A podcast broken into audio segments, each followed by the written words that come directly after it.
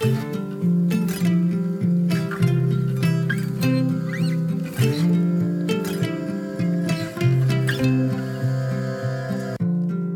och välkommen till For Health med Anna Sparre. Idag ska vi prata om andning med Sveriges största andningsexpert, Anders Olsson. Visste du att du med andningen kan påverka allt från ditt sötsug till din sömn, värk och energi? Häng med och lyssna på Anders spännande kunskap i dagens avsnitt.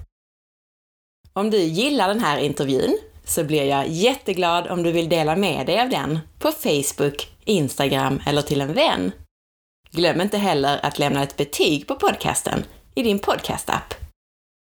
Ju mer du lyssnar, delar och recenserar, desto bättre går det att hålla podden levande med gratis information och intressanta intervjupersoner. Stort tack på förhand! Du kan också boka mig som föreläsare, till exempel till företaget där du jobbar, eller till en privat grupp. Och om du är nyfiken efter avsnittet så hittar du mer information på forhealth.se. Anders Olsson är mannen bakom konceptet medveten andning. Idag arbetar han med andning i allt från kurser och föreläsningar till produkter som kan hjälpa dig med din andning. Han ska snart få berätta mer om sig själv.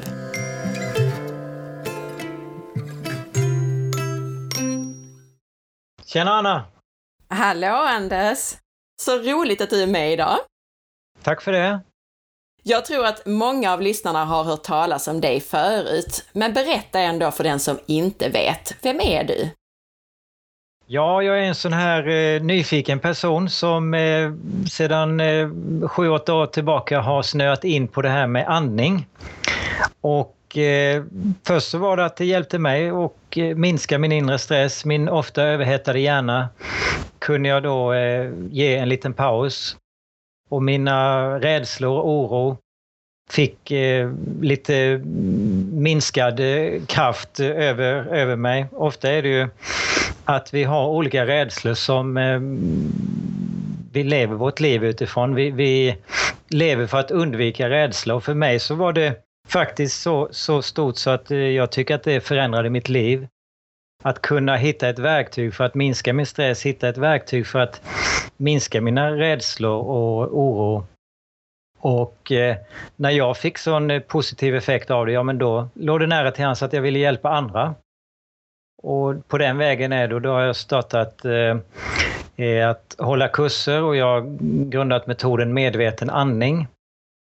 Och eh, då har jag då blivit den här andningsnörden för eh, jag tycker att eh, det, det ger sån eh, pass eh, bra effekt då. Ja, det är ett jättespännande ämne verkligen och du nämnde redan här att det kan minska rädslor och oro. Men vad spelar det annars för roll hur vi andas, förutom det här, att minska oro och rädslor? Ja, om vi börjar med att tänka oss att om vi slutar andas, då dör vi. Så är det ju faktiskt. Slutar vi andas några minuter, ja men då dör vi. Och anledningen till det, det är att vi får syrebrist. Och det i sin tur leder till att vi får energibrist och vi har ett enormt energibehov. Så om vi har det som utgångspunkt, då kan vi inse att eh, andningen är ganska viktig. Jag skulle säga att det är den viktigaste funktionen vi har. Det är det första vi gör när vi föds och det sista vi gör när vi dör. Så det påverkar alla aspekter av vårt liv. Från vår eh, eh fysiska hälsa till vår mentala och känslomässiga hälsa. Räkna upp några hälsoproblem som kan vara kopplade till en felaktig andning och som kan bli bättre med rätt andning. Ja, om man tittar på många hälsoproblem så är de eh, förknippade med låg energi då. Där man ser det är mycket effektivare att producera energi med hjälp av syren utan. Det är därför vi är så beroende av syre, för vi har ett enormt energibehov. Och eh, exempel där eh, eh Eh, man, man ser att eh, energin är viktig eller att man har låg energi, det är vid sömnproblem, det är vid eh, kroniskt trötthetssyndrom, övervikt har ofta låg energi. Man kan också, med, med, lite eller inte så mycket fantasi behövs det faktiskt inte få inse att andningen är viktig vid astma, allergier. Det sitter ofta i luftvägarna problemen och då är det ju det första vi borde titta på, vår andning. Hjärtproblem. Hjärtat sitter mitt mellan lungorna. En, en sak som vi inte kanske tänker på i första hand, men det är faktiskt utveckling av ansikte och tänder. Mhm. Ja, där, där det, det mesta utvecklingen sker upp till de tidiga tonåren. Och då är tungan vår viktigaste tandställning och den eh, ska vara på plats upp i gommen. För då säkerställer den att gommen utvecklas och tänderna formas runt tungan. Den är ju U-formad tungan. Men när vi då eh, är spända i käken kanske, då överanvänder vi olika muskler som gör att det påverkar tänderna negativt och de blir sneda och vi har inte tungan på plats uppe i gommen utan den eh, kanske är nere i munhålan och då eh, trycker musklerna i eh, läppar och kinder på eh, tänderna så att de eh, åker in och vi kanske får en mer V-formad käke. Apropå det här då, vad, vad är de vanliga felen som du stöter på? Hur andas de flesta, tänker jag, när de andas fel?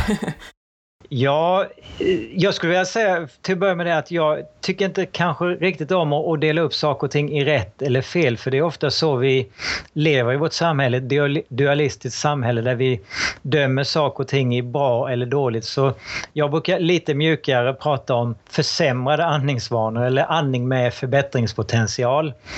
Och eh, det jag vanligtvis stöter på det är att människor andas för snabbt om, om någon äter för mycket, då kan vi lätt se det på tallriken bara, eller att de äter många gånger. Att de överäter. Men eh, att se om någon överandas, det är inte särskilt lätt faktiskt. En normal andning den är bara 8 till 12 andetag per minut. Och eh, jag har lagt mig till med ovanan att räkna antalet andetag på människor jag stöter på utan att de är medvetna om det. Och då eh, är det få som kommer under 18 andetag per minut. 18, 20, Oj. upp mot 25 andetag per minut. Och om vi översätter det till mat så innebär det då att äta dubbla eller tredubbla måltider mot normalt. Så det är det ena, att vi andas för mycket. Det andra är att vi håller andan i tid och otid. Så, så vi växlar mellan att överandas och att inte andas alls. Så när vi koncentrerar oss då är det väldigt vanligt att vi eh, håller andan. Vi slutar andas. Just det. Ja. Så på nattetid kallar vi det sömnapné. På dagtid kallar jag det stressapné eller koncentrationsapné. För, för vi har inget, det finns inget riktigt namn men sömnapné är ju någonting som vi eh, säger då att det är dåliga andningsvanor när vi sover. Och sen så eh, har vi då bara mutat in det som ett sömnproblemsområde men det är inte troligtvis så att en person som har problem med sömnapné har världens bästa andning på dagtid och sen helt plötsligt när de går och eh, lägger sig så får de världens sämsta andning utan det troliga är ju att så som vi andas på dagtid så andas vi också på nattetid. Så de här människorna har troligtvis problem med att de håller andan. Hur ska vi andas för bästa hälsa? Alltså hur ser ett korrekt andetag ut? Ja, inom medveten andning så jobbar vi med fem enkla principer och det är inte raketforskning på något sätt, det är hur enkelt som helst. Utmaningen däremot det kan ju vara då att tillämpa det under de här ungefär tusen andetagen vi tar varje timme. Och många av oss vi tar inte ett enda andetag enligt de här principerna. Så en bra andning den är in och ut genom näsan. Den är låg, alltså vi använder diafragman och andas mer ner i buken. Den är långsam. Den är rytmisk. Och den är tyst. Och tyst kanske någon undrar, vad, vad, vad menas med det? Jo, det, det är ju motsatsen till eh, en andning som låter och när vi gör massa olika ljud ifrån oss, vilket faktiskt är ganska vanligt. Då innebär det samtidigt att vi flyttar luft in och ut från lungorna. Varje ljud vi gör innebär att det är luft som färdas i eh, stämbanden. Och då är det inte särskilt bra andetag om de låter på olika sätt. Och det fick jag lära mig. Jag läste inför min förlossning så läste jag en bok som heter Föda utan rädsla. Och den, eh, där beskrev man just det här att, eh, att fokusera på andningen, håll den lugn och så fort du hör din andning så måste du backa tillbaka och andas lugnare och tystare. Mm. Och det funkade väldigt bra. Det gjorde jag det. klarade mig utan smärtstillande och annat. Mm. Ja, vad härligt. Och det, det, visar ju också kraften i andetaget. Du är inte den enda kvinnan som har haft nytta av att eh, andas, både för att minska smärta och minska spändhet i kroppen och minska mental och känslomässig oro. För det som händer många gånger då, eh, det finns något man kallar det fear tense pain cycle inom förlossning. Alltså kvinnan är rädd för det som eh, väntar och då blir vi spända när vi är rädda. Eh, då får öka vår smärta. Så när vi spänner oss, då ökar vår smärta. Och andningen är ju som en röd tråd i den här onda cirkeln. När vi blir rädda, då får vi en rädd andning. När vi blir spända, då får vi en spänd andning. Så med andningen så förstärker vi smärtan, men också då genom att göra det omvända, ta kontroll över vår andning och andas bättre, då eh, kan vi faktiskt minska smärtan. Det gäller både vid förlossning men det gäller också i tandläkarstolen. Eller om jag ska få en spruta, då är det vanligt att vi är rädda och så håller vi andan och då gör det jätteont. Medan om vi kan andas ut när vi får den här sprutan, då eh, slappnar vi av mer och då gör det inte lika ont. Jag känner själv, jag blir alldeles lugn här av att prata med dig, för jag börjar liksom andas sådär lite långsammare och lugnare. Ja, Jättebra. En del blir stressade, det blir tvärtom, så de blir jättestressade. Men du då, du sa ju att det hjälpte dig med, med din oro och stress. Var det de här principerna du använde eller var det någonting ytterligare du fick göra med andningen för att komma ner? Nej, det är de principerna. Så det är de som har sållats fram utifrån min egna erfarenhet och alla de tusentals kursdeltagare och klienter jag har haft. Och all, eh, ja, böcker och, och, vetenskapliga rapporter jag har läst så är det det som har kommit ut av det och, och, det var i mångt och mycket det som jag började tillämpa för egen del då, till en början. Där. Men berätta då varför vi ska andas just så, alltså berätta hur det fungerar i kroppen. Mm. Ja, för allt är uppbyggt på logiskt resonemang och när man väl förstår det då blir det ju en, en förståelse som gör att det, det, är enkelt att tillämpa det. För många gånger så ställer vi oss den där frågan varför och vet vi inte varför då, eh, ja, då tappar vi motivationen. Men om vi tänker det att en bra andning då den börjar i näsan och i näsan där värms luften och den fuktas och där fastnar bakterier och partiklar. Medan munandning då, det ger eh, upphov till en kall och torr luft full av bakterier och partiklar som åker ner i lungorna. Så lite tillspetsat kan man säga att det är lika naturligt att eh, andas genom munnen som det är att äta genom näsan. mm. ja. Nej men eh, skämt åsido, men alltså vi snackar 10 till 20 000 liter luft som vi drar in varje dag. Och det är klart att det är jävligt stor skillnad om, luft, om lungorna får den luften eh, tillagad och förberedd eller om det är en mer eh, råare typ av luft. Om vi tvingas välja mellan att äta en rå och en tillagad kyckling, såvida vi inte är vegetarianer, no, nog eh, väljer de flesta av oss en tillagad kyckling och jag tror det är samma om lungorna fick frågan skulle välja tillagad luft. Då. Du nämnde ju också att energinivån blir bättre om man andas rätt. Hur funkar det? Hur får kroppens celler bättre energi med rätt andning? Jo, för vi producerar energi i huvudsak med syre och utan syre. Utan syre, det kallas en anaerob aktivitet, så det är till exempel när vi tränar högintensivt, då hinner inte tillräckligt med syre levereras till kroppen, celler, till musklerna. Och vi får då högre nivåer av mjölksyra och vi blir trötta snabbare. Och eh, nu lever vi ju inte vårt liv som ett 100 meterslopp men vi kanske är i den riktningen. Så att vi har lite högre stress i, i kroppen, vi levererar lite mindre syre till kroppens celler och då eh, tvingas vi skifta till att producera mer energi utan syre. Och energiproduktionen med syre det sker i mitokondrierna. Och här kan alltså upp till 19 gånger mer energi utvinnas ur samma mängd näring. Så när vi inte har syre tillgängligt då utvinns bara, bara en liten, liten del av den potentiella näringen. Så mjölksyra då som blir eh, restprodukten kan man säga när vi inte har syre närvarande, det är inget negativt i sig. Mjölksyra har en lite negativ klang för vi förknippar det med brännande muskler och trötthet men mjölksyra i sig innehåller potentiell energi men mjölksyran då måste tillbaka till levern för att konverteras tillbaka till glukos innan, den då kan, eh, innan vi kan utvinna den här resterande mängden energi. Men för att kunna göra det måste syre vara närvarande. Och det är det som sker i våra mitokondrier. Den andra aspekten på det är då att som sagt, vi kan producera energi med syre och utan syre. Med syre är långt, långt, långt mycket mer effektiva. Utan syre är det bara 5% av tillgänglig energi vi får. Men det är också så att i mitokondrierna då, som bara kan jobba med hjälp av syre, och det är här ungefär 90% av vår totala energi bör produceras. I mitokondrierna där kan också fett användas som bränsle.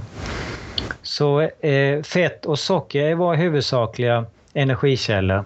Och om vi då har en försämrad syresättning, ja men då stänger vi dörren lite till våra fettreserver.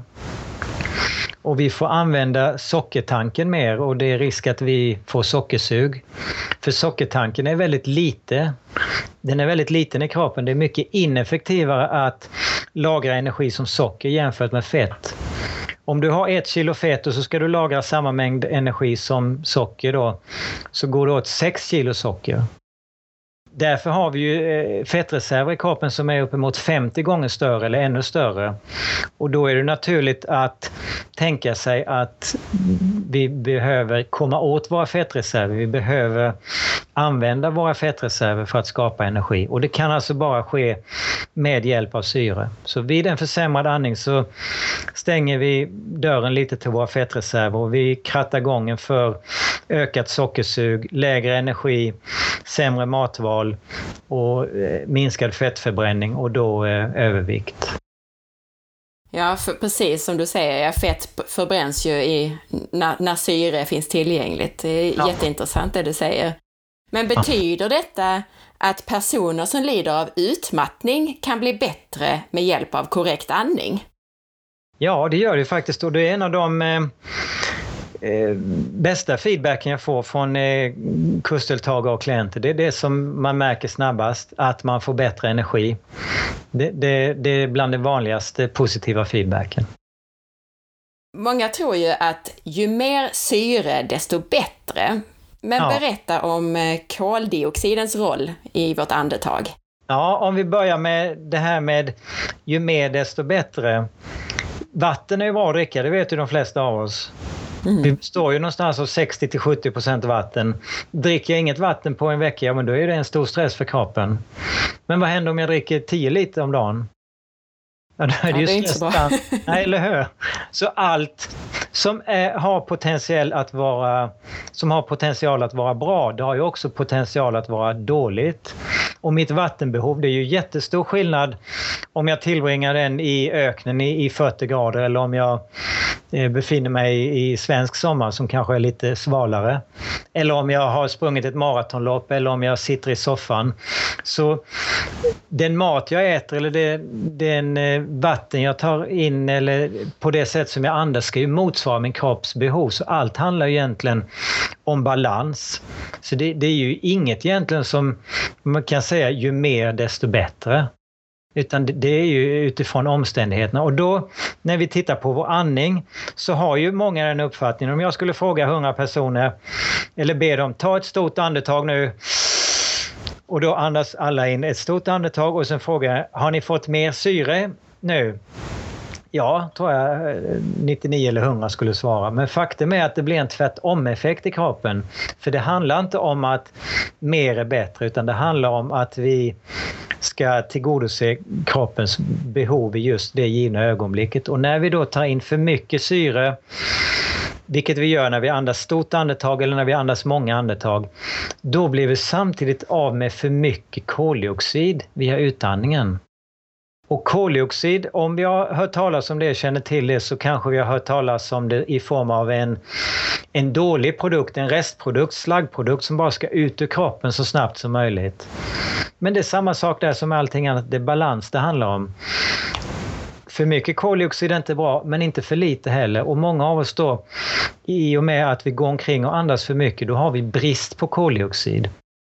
Och bara det faktum att koldioxiden styr andningen borde få oss att fundera lite, ta ett steg tillbaka och tänka att kanske är koldioxid någonting mer än bara en, en slaggprodukt som ska ut ur kroppen så fort som möjligt. För det är så om, om jag hyperventilerar i 30 sekunder, vilket man brukar få göra på mina kurser, då mäter vi hur länge vi kan hålla andan i sekunder innan och sen hyperventilerar vi där vi alltså andas väldigt snabbt. Och sen så mäter vi hur, vi kan hålla, hur länge vi kan hålla andan efteråt. Då klarar de flesta att hålla andan ja, dubbelt så länge kanske. Och det är för att vi då har andats ut massa koldioxid och det är för att koldioxid styr andningen. Så om kroppens viktigaste funktion är andning och koldioxid styr denna funktion, ja men då, då borde vi börja inse att koldioxid är nog ganska viktigt. Men det stannar inte där. Förutom att det styr andningen då så har koldioxid både förmågan att vidga luftvägarna så att vi kan andas djupare, vilket är princip nummer två, att vi ska andas lågt, använda diafragman. Och eh, koldioxid vidgar också blodkärlen så att blodet lättare kan flyta fram. Hjärtat får det lite lättare att jobba. Och eh, koldioxiden kickar också bort eh, syret från blodet. För det, det räcker ju inte att vi, man, man, ibland mäter med en sån här fingertuta syrgasmättnaden i blodet och så säger vi titta här, jag har 99 procent eh, syrgasmättnad, det är jättebra. Ja, det är det ju från ett perspektiv, men från ett annat perspektiv så är det ju inte i blodet vi har nytta av syret, utan blodet bara transporterar ju runt syret. Syret ska ju sen i sin tur vidare till muskler, hjärna, lever och hjärta. Och då är koldioxid Eh, en, eh, en egenskap det har är att det har förmågan att kicka bort syret från blodet. Jätteintressant. Och både jag och många av mina lyssnare är väldigt intresserade av de här lite nördiga detaljerna kring hur kroppen fungerar. okay, ja. Men jag tror att, alltså det du säger här egentligen är att när vi andas lite mindre egentligen och lite lugnare så, så har vi lite bättre nivåer av koldioxid, vilket bland annat vidgar blodkärlen så att mer blod kommer fram till cellerna med syre helt enkelt. Precis. Och vi har ju runt 10 000 mil av blodkärl, alltså två och ett halvt varv runt jorden. Så är de eh, lite, innehåller de då lite mindre koldioxid och är alltså lite mindre eh, öppna, mer ihopträngda, då eh, blir det ju tuffare för hjärtat och vi kanske då får högre blodtryck. Koldioxid är ju en gas, men jag vet att det finns ju kväve och kväveföreningar också som spelar någon roll. Berätta lite om kvävets roll i andningen. Kvävemonoxid är ett ämne då som produceras i näsan i stora mängder. NO är dess beteckning. Och eh, det var något faktiskt som man upptäckte på Karolinska. Det var en världssensation då när man, man eh, höll på med en studie där man faktiskt eh, eh hade an, grisar som skulle röka av någon anledning. Och cigarettrök innehåller stora mängder eh, NO, kvävemonoxid då, så därför hade man en prob som mätte NO. Så grisarna fick eh, röka vanlig cigarettrök och eh, då mådde de som förväntat. Och sen fick de röka cigarettrök utan NO och då fick man avbryta studien för, eh, eller testen där, för annars så hade de dött. Och med det kan Oj. vi säga att en människa, vi hade inte velat röka cigarettrök nummer två, eller cigarett nummer två om eh, om eh, det inte hade innehållit NO i cigaretten. Och då är det i alla fall, då var det en av eh, eh, deltagarna där i studion som körde upp en testprov i näsan på skoj och såg hur den slog i taket och upptäckte då att det produceras NO i stora mängder i näsan. Och NO har liknande egenskaper som koldioxid. Det har alltså förmågan att vidga luftvägar och det har förmågan att vidga blodkärl. Och NO är också faktiskt precis som koldioxid bakteriedödande. Så när vi andas genom munnen, då missar vi, då kryddas inte inandningsluften med eh, det här viktiga ämnet. Så vi blir lättare förkylda och sådär då? Ja. Och NO har en annan intressant aspekt också och det har med vår sexualitet att göra. Så eh, i princip är näsandning skulle jag vilja säga, det är effektivare än Viagra. För det, då, då, var det tre herrar som, som eh, fick Nobelpriset för sin forskning på eh, Eh, eh, man, man, upptäckte då vad det är som sker när man, får, när man har kärlförträngningar, trånga blodkärl. Då får man en medicin som heter nitroglycerin. Och den medicinen gör att eh, blodkärlen expanderar och vidgas och eh, blodet kan flyta fram igen och patienten mår bättre. Så de forskade, vad är det egentligen som sker i kroppen när man intar nitroglycerin? Och då såg man att medicinen då, nitroglycerin, gjorde att produktionen av NO ökade. Så NO produceras inte bara i näsan utan det produceras även i kroppen. Och då är det viktigt för att bibehålla eh, blodkärl som är öppna och välfungerande. Och deras forskning då på NO ledde fram till framtagandet av Viagra. För det var tänkt som en eh, konkurrens till nitroglycerin. Men eh, då såg man att det inträffade vissa bieffekter. Att eh, en fick erektion då, så då eh, skiftade man ju och började eh, istället marknadsföra det som en, eh, en potenshöjande medicin. Så det, det, finns en koppling då, för på könsorganen har vi många NO-receptorer, alltså mottagare för NO och då får det blodkärlen att öppna sig och slappna av och eh, könsorganen kan då fyllas med blod. Och vi blir sexuellt stimulerade. Och det finns faktiskt flera andra kopplingar också till just näsan där merparten av NO produceras.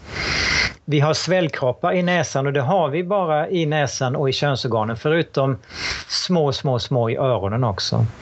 Och en, en studie man gjorde på eh, människor som hade, män som hade polyper i näsan, då innebär det att man har utväxter som gör det väldigt svårt att använda näsan och då blir det naturligt att man andas genom munnen istället.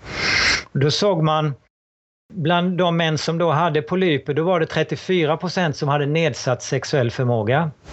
Och i kontrollgruppen var det 2 procent. Och när man då opererade bort polyperna så de kunde börja andas genom näsan igen, då sjönk problemen från 34 till 10 procent. Så det var en dramatisk förbättring. Så från olika aspekter kan vi se då hur eh, näsandning påverkar eh, vår sexuella förmåga och vår lust. Så allt ifrån oro och stress till sexuell prestation, det låter jättebra. Ja, eller hur? mm. Och du nämnde ju att ett av de vanligaste problemen som man kan åtgärda med andningen är sömnen. Hur funkar det? Hur kan vi påverka sömnen med vår andning? Jo, för att många av oss vi har eh, munnen öppen när vi sover. Och all eh, munandning i vila innebär per automatik att vi hyperventilerar. Och hyperventilering innebär att vi berövar kroppen livsviktigt syre. Och får vi inte det syre vi behöver, då tar vi oss i större utsträckning till kamp, flykt, frys. Istället för då som när vi sover, då ska vi vara i parasympatikus och lugn och avslappning och läkning och reparation och återhämtning och återuppbyggnad. Men då när vi sover med munnen öppen så hamnar vi alltså mer i ett tillstånd av eh, stress vi spänner våra muskler kanske så vi läcker mer energi. Vi, eh, eh andningsarbetet tar mer kraft och energi än vad det borde göra. De här, eh, den här kalla och torra luften eh, kan göra då att luftvägarna blir mer in, irriterade och vi kanske vaknar upp på morgonen med förkyld, täppt näsa, irritation i halsen. Så en, en studie man gjorde där eh, ett gäng fullt friska deltagare fick ja, typ stoppa upp ett par tamponger i näsan ungefär för att täppa till näsan så eh, man bara kunde andas genom munnen. Och alla fick redan första natten försämrad sömn. Alla började snarka. En utvecklade sömnapné, alltså andningsuppehåll. Och då är inte steget långt till att tänka sig, jaha, en täppt näsa och munandning ger sämre sömn. Vad händer om man gör det omvända då? Om vi täpper för munnen så att man bara kan andas genom näsan, ger det en bättre sömn då?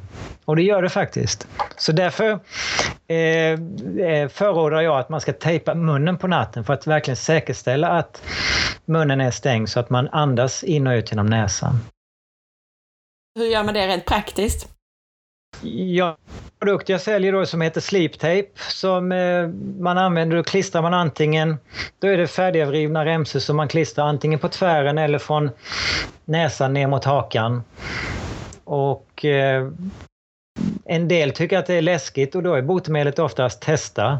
För det är oftast bara en mental blockering eftersom vår andning är ju viktig och är andningen hotad, ja men då är ju hela vårt liv hotat. Så, så om vi tänker oss att eh, oj, om jag ska tejpa munnen då kommer inte jag få luft. Då blir vi stressade, pulsen stiger. Eh, men när vi väl testar så upptäcker vi att ja, men vi får ju faktiskt luft. Eh, känner jag en oro, då ska jag inte göra det om jag liksom pulsen stiger med tio slag bara jag tänker på att tejpa munnen utan då är mitt förslag att man testar att tejpa på kvällstid under några kvällar, säg 5, 10, 15 minuter för att vänja sig vid den nya känslan. Men det är när, förutom då att eh, många upplever mer energi så är, är det också många då som upplever bättre sömn och då är det här en av de eh, framgångsfaktorerna. Då, tejpa munnen. För tänk att vi sover ungefär en tredjedel av vårt liv. Och har vi då en andning antingen som jobbar mot oss eller som jobbar för oss. Och när vi väl har kommit över den här mentala blockeringen att det där är jobbigt och att vi inte vill eller inte tror att vi kan. Då eh, tar det faktiskt inte mer än ett par, tre sekunder att sätta dit den där tejpen.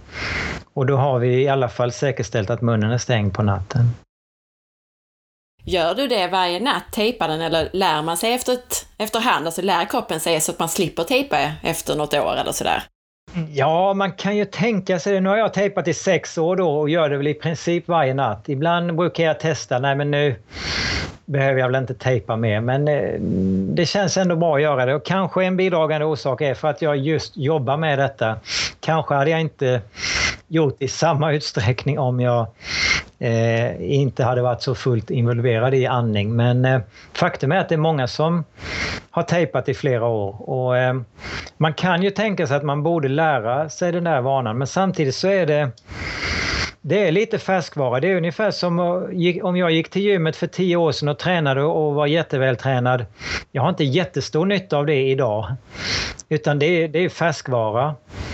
Och det, det, är samma med våra andningsvanor, det är färskvara. Och det jag kan notera på mig själv, det är om jag har väldigt mycket stress och press i mitt liv, ja men då blir min andning påverkad och det är då jag har tagit av tejpen på natten till exempel eller jag märker när jag är ute och springer då.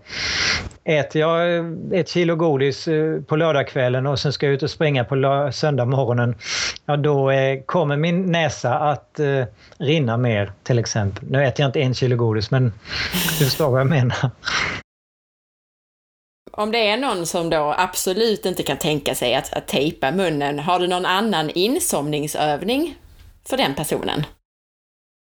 Ja, jag brukar säga till att börja med att många av oss lever i huvudet och där är det ofta kamp. Vi, vi tänker oss att livet är kampfyllt och det är tufft.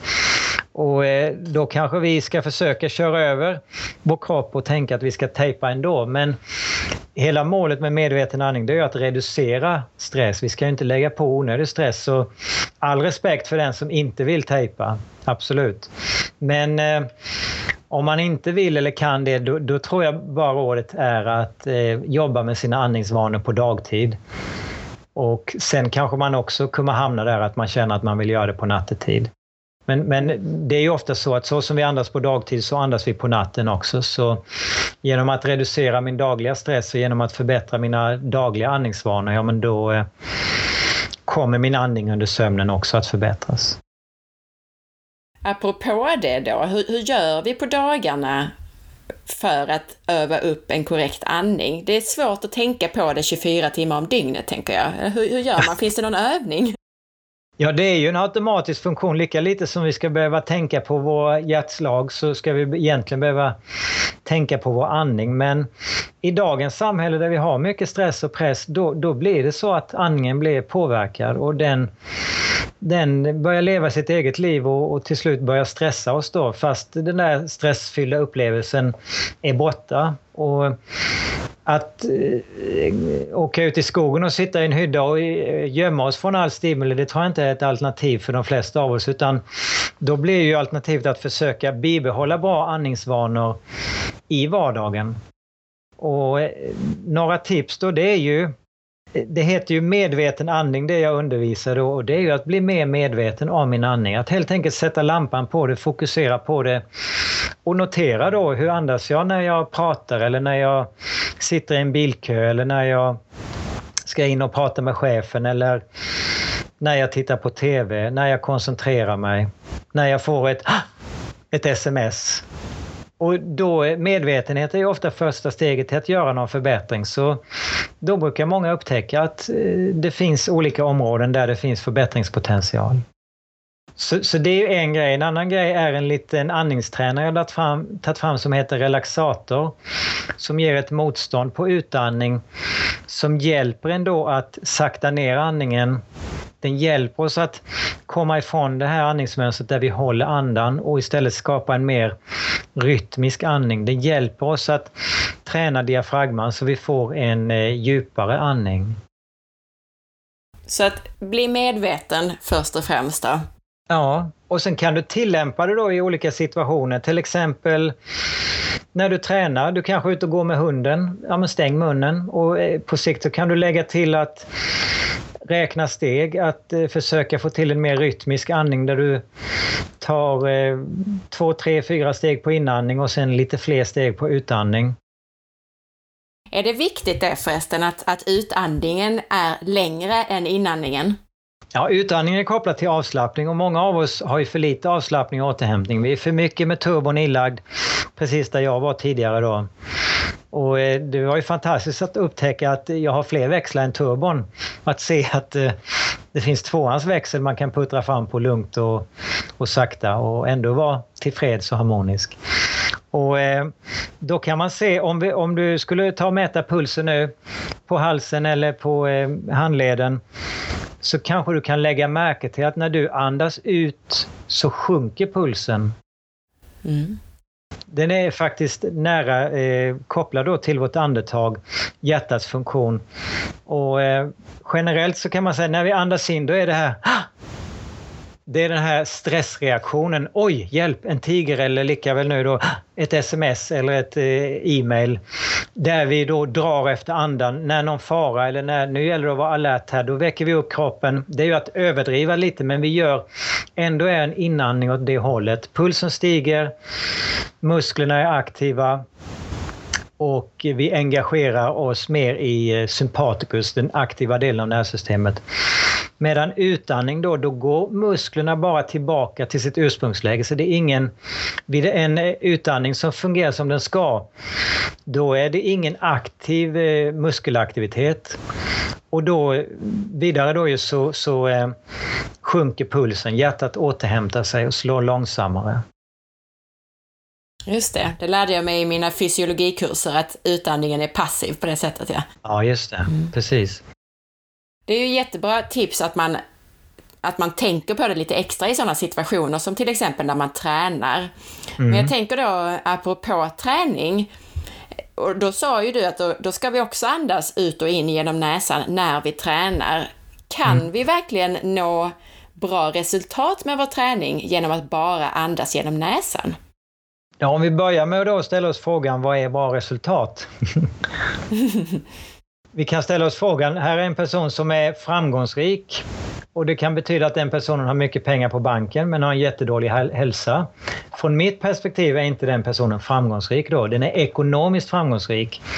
Och när vi tränar så gör många av oss det upp i huvudet. För mig var det när jag tränade tidigare, det var, handlade bara om prestation.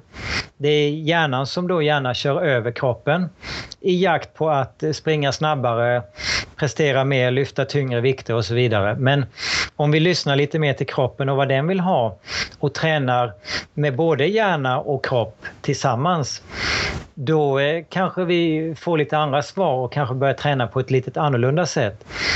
Och eh, jag tycker man kan tänka sig att man sätter andningen överst på agendan och eh, eh, försöker då få till bra andningsvanor i den aktivitet man gör. Och snart nog kommer man att märka att eh, det funkar ganska bra. Eh, och, och vi, det funkar ju så, om det är någonting som vi gör så blir vi ju bättre på det. Om jag aldrig gjort en armhävning i hela mitt liv men så börjar jag sakteliga styrketräna lite. Tre månader senare så kommer jag kunna göra fler armhävningar än tidigare. Och det är samma med våra andningsvanor när vi tränar då. Att vi kan faktiskt öka vår styrka till, till, exempel eh, en, en karatemästare som ska knäcka tegelstenar. Den gör ju inte det på inandning eller genom att hålla andan utan det är Ja! På utandning som eh, tegelstenar knäcks. Samma som en spjutkastare mm, eller en tennisspelare mm, slår till bollen när vi andas ut. Det är så vi skapar kraften genom att snöpa åt i stämbanden och då skapar vi ett högre tryck i bålen när vi pressar ut luften. Så ju, ju mer kraft vi vill skapa, desto mer ska vi pressa ut luften. Så vi kan få bättre styrka. Många då eh, tyvärr när vi ska vara starka har ovanan att hålla andan. Vilket inte innebär att vi blir starka. Och många upplever ju också att Eh, ja, musklerna behöver ju mycket syre när vi eh, tränar och då när vi har bra andningsvanor så får vi automatiskt en bättre syresättning. Och att kunna andas genom näsan då som jag förordar, det, det tycker en del verkar helt galet. För de tänker på den enorma mängd luft de tar in normalt. För väldigt många idrottare eh, ser ut som de har en nära döden-upplevelse när ögonen står rätt ut och, och de chippar efter, efter luften i, i maximal ansträngning. Men det vi gör med medveten andning är att vi ersätter kvantitet med kvalitet. Less is more i många fall och även här då. Det handlar inte om att ta in mest syre för att syresätta kroppens celler och muskler utan det handlar om att göra det på ett bra sätt så att vi samtidigt kan bibehålla högre nivåer av koldioxid. Så att blodkärlen är öppna och så att syret kan lämna blodet. Och jag förstår principerna som du förklarar och jag förstår då också att om vi tränar för hälsan särskilt så är det väldigt viktigt att vi tränar med en korrekt andning och även då att vi ökar vår styrka. Men mm. hur är det, gäller detta även sprintrar? Jag tänker 100 meters löpare. Kan man bli världsmästare på 100 meter och andas genom näsan? Vad tror du? Ja, eh, nu kanske jag är lite patisk här då, men eh, just 100 meter, det är ju inte, då, då eh, det kan ju vara så till och med att man knappt andas någonting. Just vid ett 100 meterslopp då får vi faktiskt inte så mycket av energin. Eh, eh, det tillverkas inte så mycket med hjälp av syre utan det är mest upplagrad energi som används då. Så där kanske ett 100 meterslopp spelar det inte så stor roll. Men för att man ska kunna stå där i en OS-final på 100 meter och komma först över mållinjen, då är det ju väldigt mycket träning som inte bara är att springa 100 meter. Man bygger upp sin grundkondition, man tränar upp sin styrka. Och där är det ju ovillkorligen så att vi har stor nytta av eh, en bra syresättning. Eller för den delen så gäller det för många idrottare att de har ett väldigt tjockt pannben att eh, ta ut sig själva. Det är inga problem. Problemet har de ofta med att eh, återhämta sig. Att inse att nu är det dags att vila. Nu måste jag återhämta mig. Nej, jag kör ett pass till, tänker många idrottare då.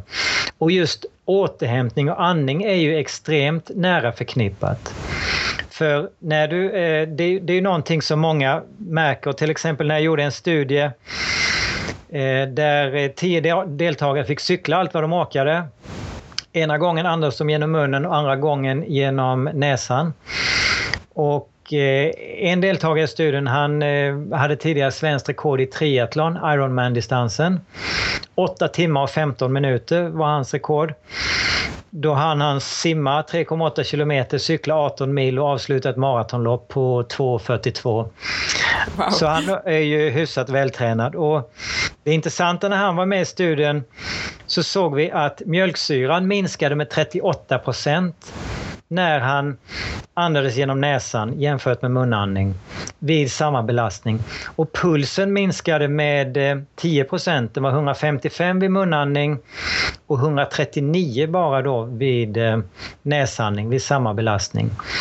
Och det är någonting som många rapporterar att de kommer ner i varv snabbare För, för det finns ju då en relation mellan vår andningshastighet, vår andningsfrekvens och eh, pulsen.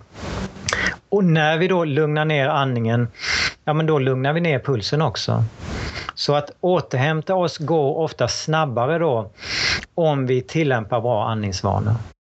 Till exempel för en idrottare då som ska återhämta sig under sömnen. Sömnen är ju jätteviktig. Då, då eh, finns det ju alla skäl i världen att tejpa för munnen.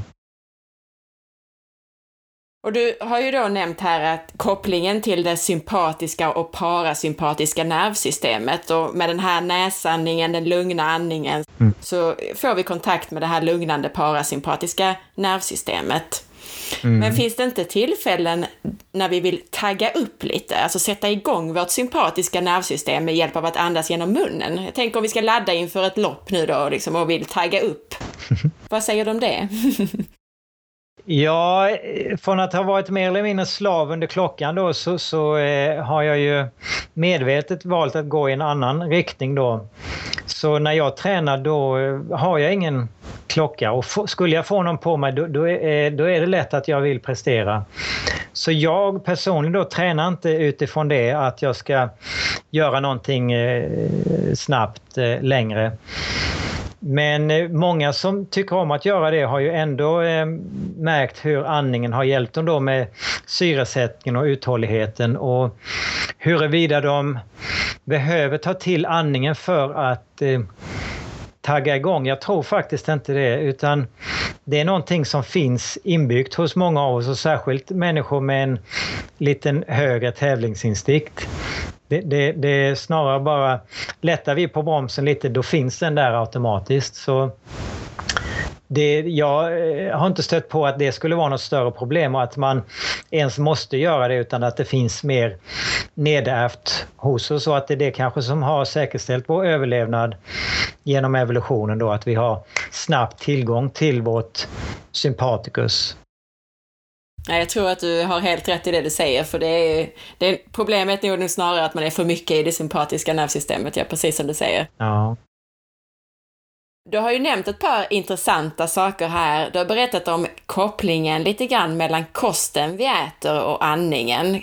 Kan du berätta lite mer om det? Alltså dels så nämnde du det här med att andningen påverkar lite grann suget efter viss mat. Förklara mm. det lite grann. Ja, ofta har vi kanske fått höra att vi är försurade. Och tittar man eh, för att vi äter mat som är försurande då, mycket socker till exempel, eller läsk. Eh, och tittar man från ett andningsperspektiv, det som händer då när vi överandas, vi andas för mycket, det är att vi blir basiska i blodet. Och då eh, kan det i sig göra att vi vill, eh, su eh, är sugna på mer eh, försurande mat för att återställa pH. Så eh, överandning och sockersug går ofta hand i hand. Eller, alltså vilket kom först här, hönan eller ägget? Var det så att vi hyperventilerade och sen fick vi sockersug? Eller var det så att vi drog i oss en massa socker och sen började vi hyperventilera? Det är egentligen ointressant, men att det finns en koppling och att det blir en ond cirkel, det är det som är intressant. Och hur gör vi för att bryta den onda cirkeln? Så då kan jag ju börja andas lugnare för att minska mitt sockersug. För att då återställer jag pH med hjälp av andningen och behöver inte återställa pH med hjälp av maten.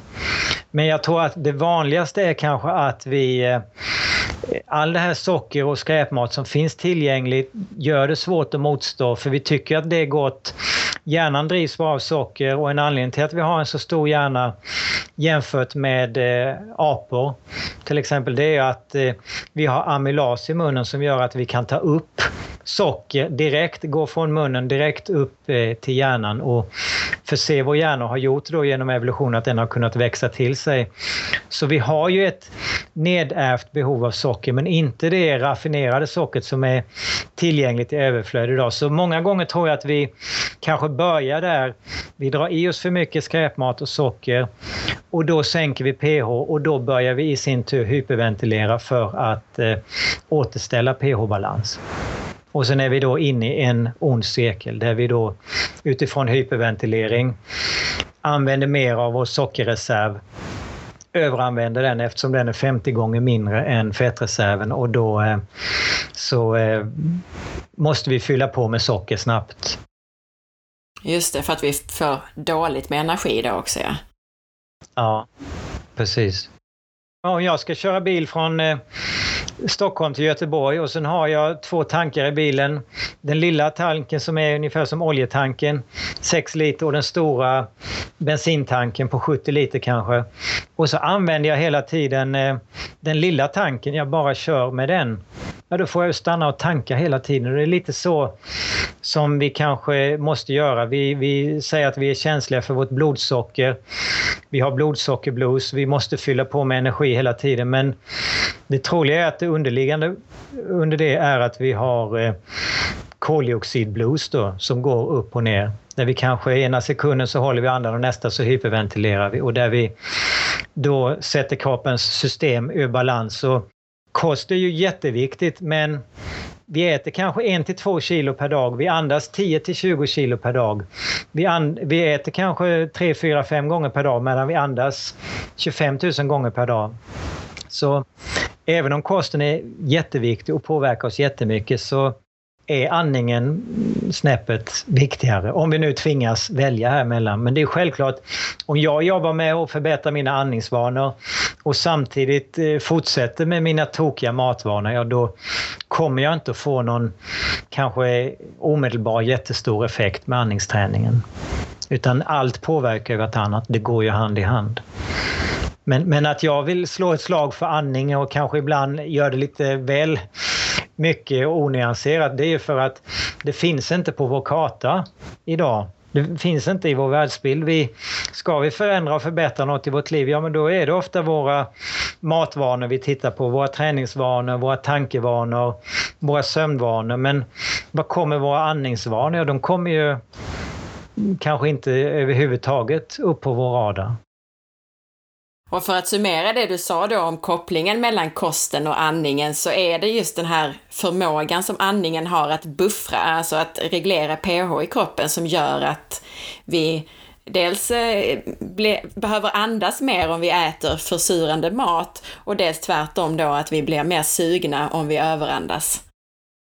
Ja, precis. Och vi, eh, vi har ju olika pH på olika ställen i kroppen. Vi har det väldigt surt i magsäcken, vi har mer basiskt i tunntarmen för att ta upp näringen. Vi har eh, lite basiskt i blodet. Vi har ännu mer basiskt i lungorna. Och eh, då har vi ju vår bikarbonatbuffert.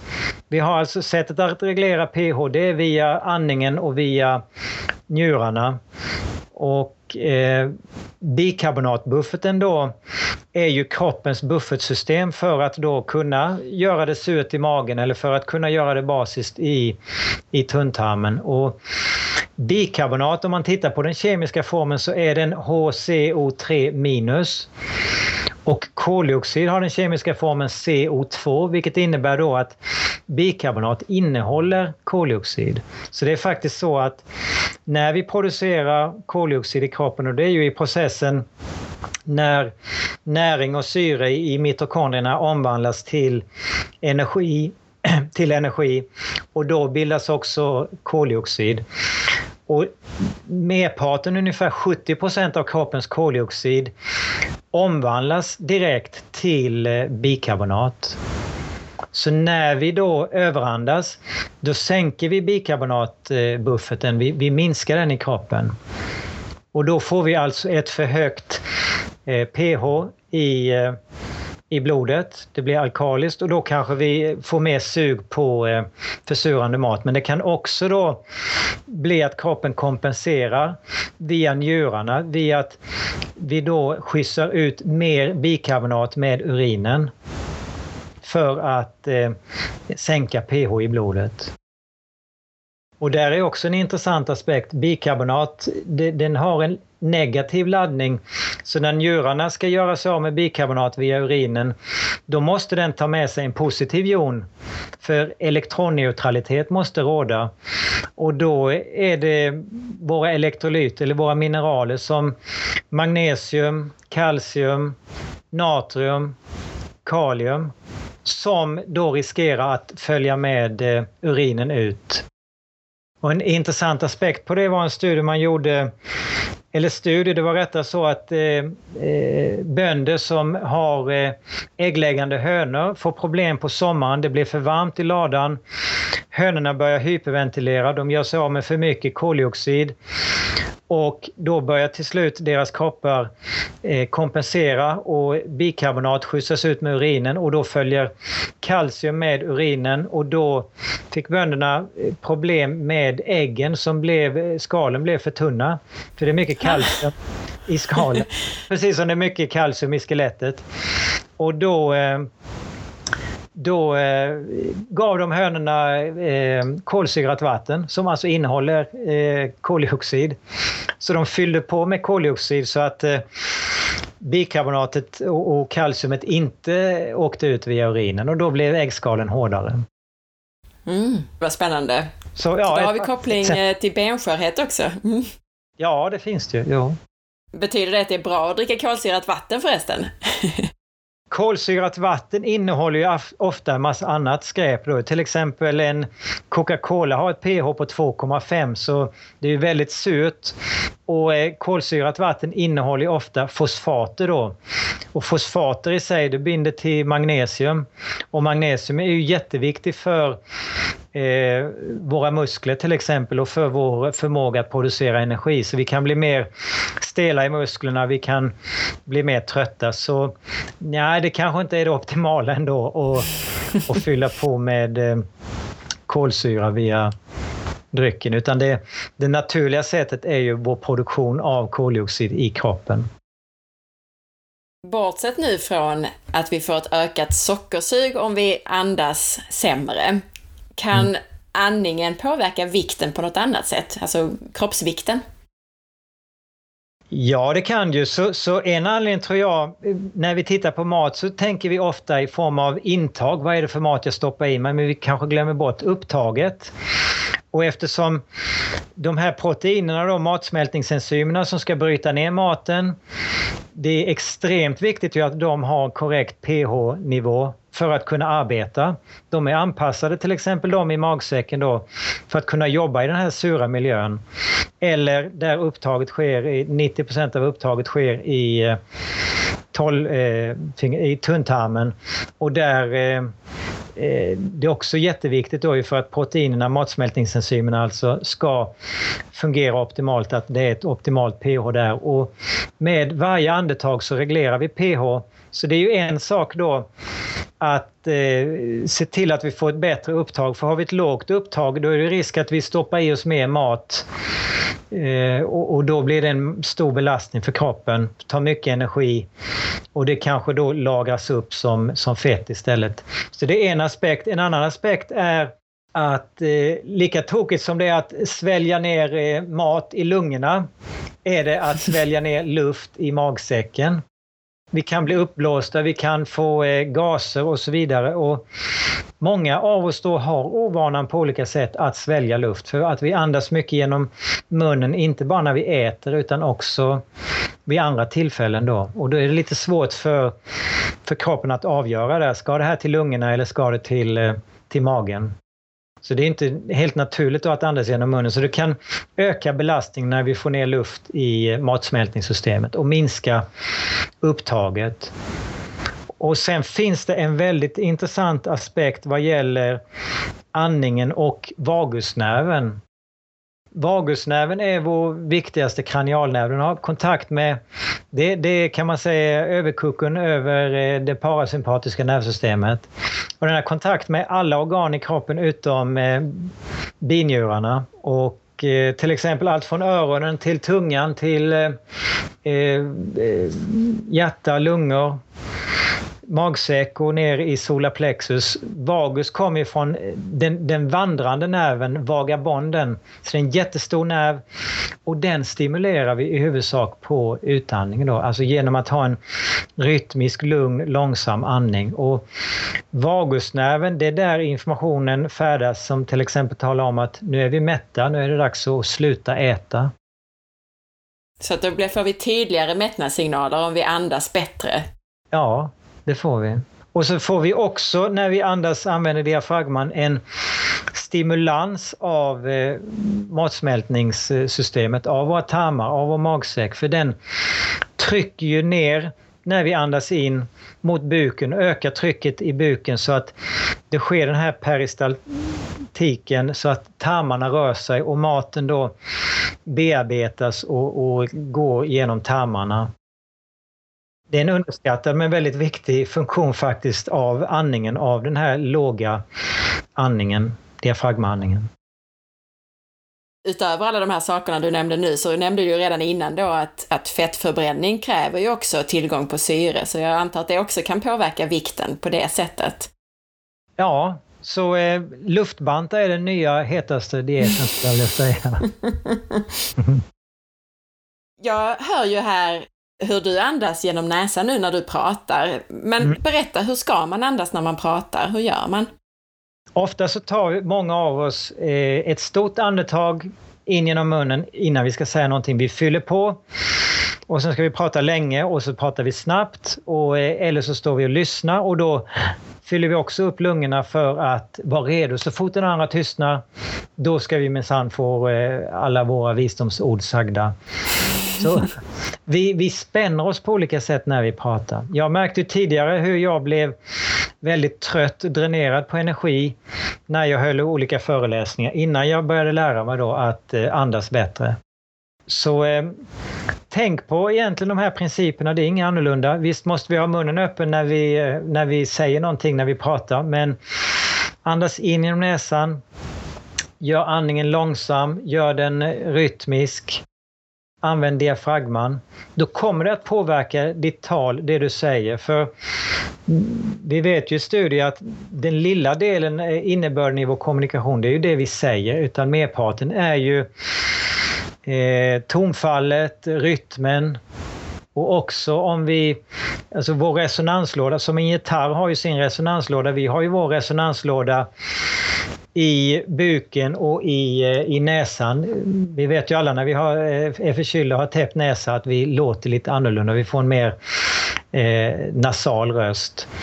Så eh, genom att tillämpa bra andningsvanor så blir du automatiskt en bättre kommunikatör och du, när du andas in då genom näsan då får du ju också tillfälle att tänka till lite, lite extra. Kanske då att vi hamnar med där vi tänker innan vi pratar istället för så många av oss gör. Vi pratar innan vi tänker. Jag skrattade för det skulle jag behöva, tack. Ska, jag ska ta till mig det tipset. ja, då kan man göra det som en 10 dagars utmaning att nu sätter jag lampan på det här. Jag ska förbättra min andning när jag pratar. Nu ska jag bara andas in genom näsan när jag pratar, till exempel. Precis, så får jag se om det kommer färre grodor då. då. Slutligen också, vi pratade ju lite grann om verk innan i samband med att man kanske tar en spruta eller att man föder barn. Mm. Men de här kroniska smärttillstånden då, som fibromyalgi och så här, är mm. de kopplade till andningen tror du? Jag skulle vilja säga så här att eh, Oavsett vilka hälsoproblem jag har så kan vi se det som en ond cirkel. Och det kan vara många olika ingredienser i den onda cirkeln. Det kan vara dåliga tankevanor, dåliga kostvanor och så vidare.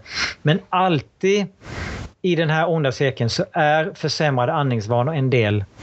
Jag har, lever absolut i uppfattningen att det är omöjligt att ha försämrade andningsvanor och en, eh, ett liv utan hälsoproblem. Utan någonstans så, har, så visar det sig det antingen då mentalt, känslomässigt eller olika fysiska symptom. Så även när vi har smärta så har det visat sig då den här mer kroniska typen av smärta att andningsvanorna är viktiga. Och eh, det är från flera aspekter. Då. Dels den här naturliga då med syresättningen och dels det här att vi är mer i kamp och flykt, vi spänner oss. Så, så en, en sak som jag inte hade räknat med det var att människor som började tejpa munnen på natten skulle säga att de vaknade upp och hade mindre smärta. Men det är faktiskt det som händer. Och om vi tänker oss att vi spänner vår högra arm och så spänner vi den och så slutar vi inte spänna utan vi fortsätter spänna och efter 5-10 minuter då kommer vi ju rasa ihop av utmattning. För det tar så mycket kraft. Och det är ju den principen som händer om vi då eh, sover och så har vi munnen öppen. Vi tar oss till kamp och flykt och då aktiverar vi våra stressmuskler. Oj, vad är det där lejonet? Så spänner vi våra armmuskler, våra benmuskler. Och har vi dem spända större delen av natten, ja då är det inte konstigt att vi vaknar upp och har ont i dem. Det är ju som, som träningsverk om vi har tränat för hårt på gymmet. Så där märkte, har, har många människor märkt då hur en bättre andning när de sover har då gjort att de har minskat sin eh, smärtproblematik.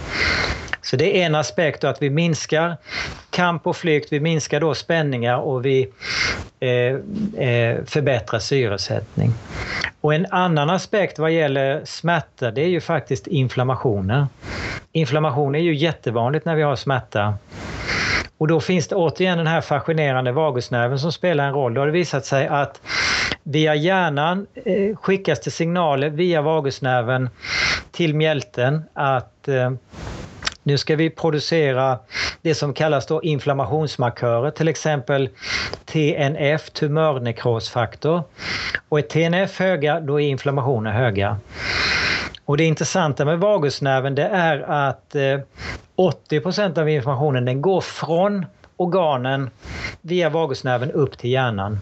Så när hjärnan ska avgöra huruvida den ska skicka signal till mjälten att producera mer TNF så att inflammationen ökar, då behöver den feedback tillbaka från kroppen. Och om då vagusnerven fungerar sämre, ja men då kommer inte hjärnan att få all den här informationen. Så då, när den ska fatta sitt beslut, då kanske den inte är medveten om att mjälten egentligen skulle vilja kommunicera att eh, eh vi har tillräckligt med inflammationer nu, vi behöver inte fler utan minska på det där nu. Utan då fortsätter hjärnan att skicka de här signalerna. Och då har man sett intressant forskning där man stimulerar vagusnerven på elektrisk väg. Man inopererar en eh, pacemaker-liknande apparat som eh, stimulera vagusnerven då och eh, det har med framgång använts under många år vad gäller tinnitus till exempel. Och även vid hjärtproblem, depression, eh, vid inlärning efter stroke där man då stimulerar vagusnerven och kan få förbättring i de här områdena. Epilepsi också och då är det ganska ny forskning vad gäller just eh, värk då, smärta. Men då har man sett då eh, hur det har en positiv påverkan tack vare den här eh, inflammationsvägen från hjärnan till mjälten. Så då hade det kunnat vara så enkelt egentligen att, att de här personerna lärde sig andas bättre istället för att operera in en sån här mekanism.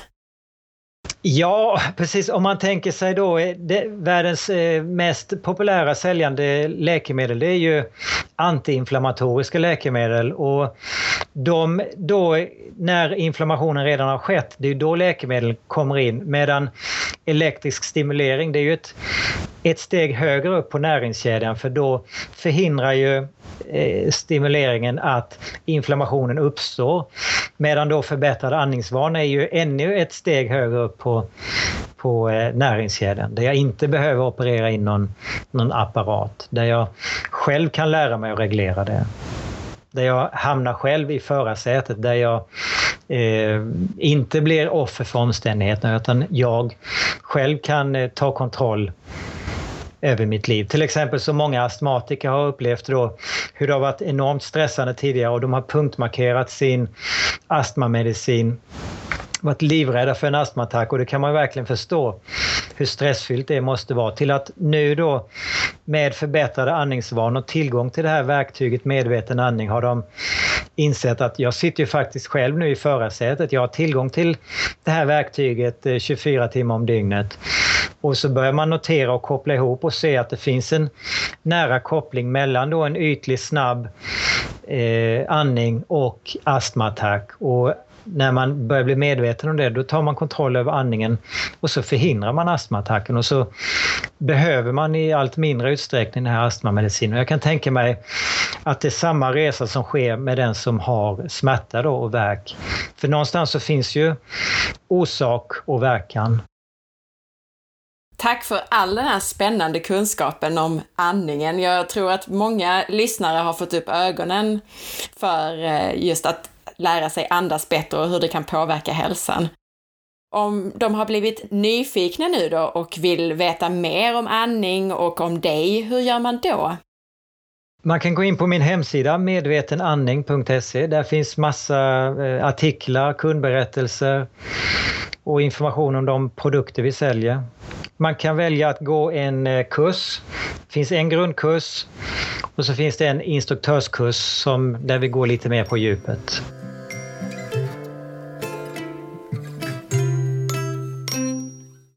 Tack för att du lyssnade och jag hoppas att du gillade den här intervjun lika mycket som jag gjorde. Gillade du den?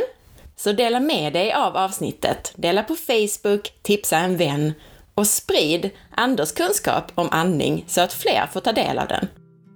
Missa inte heller att följa med på facebook.com forhealth.se och på Instagram via signaturen asparre. Gå gärna in i iTunes och lämna ditt betyg och kanske även din recension för podcasten. Och titta gärna in på bloggen på forhealth.se. Ha en härlig dag så hörs vi snart igen. Hej då!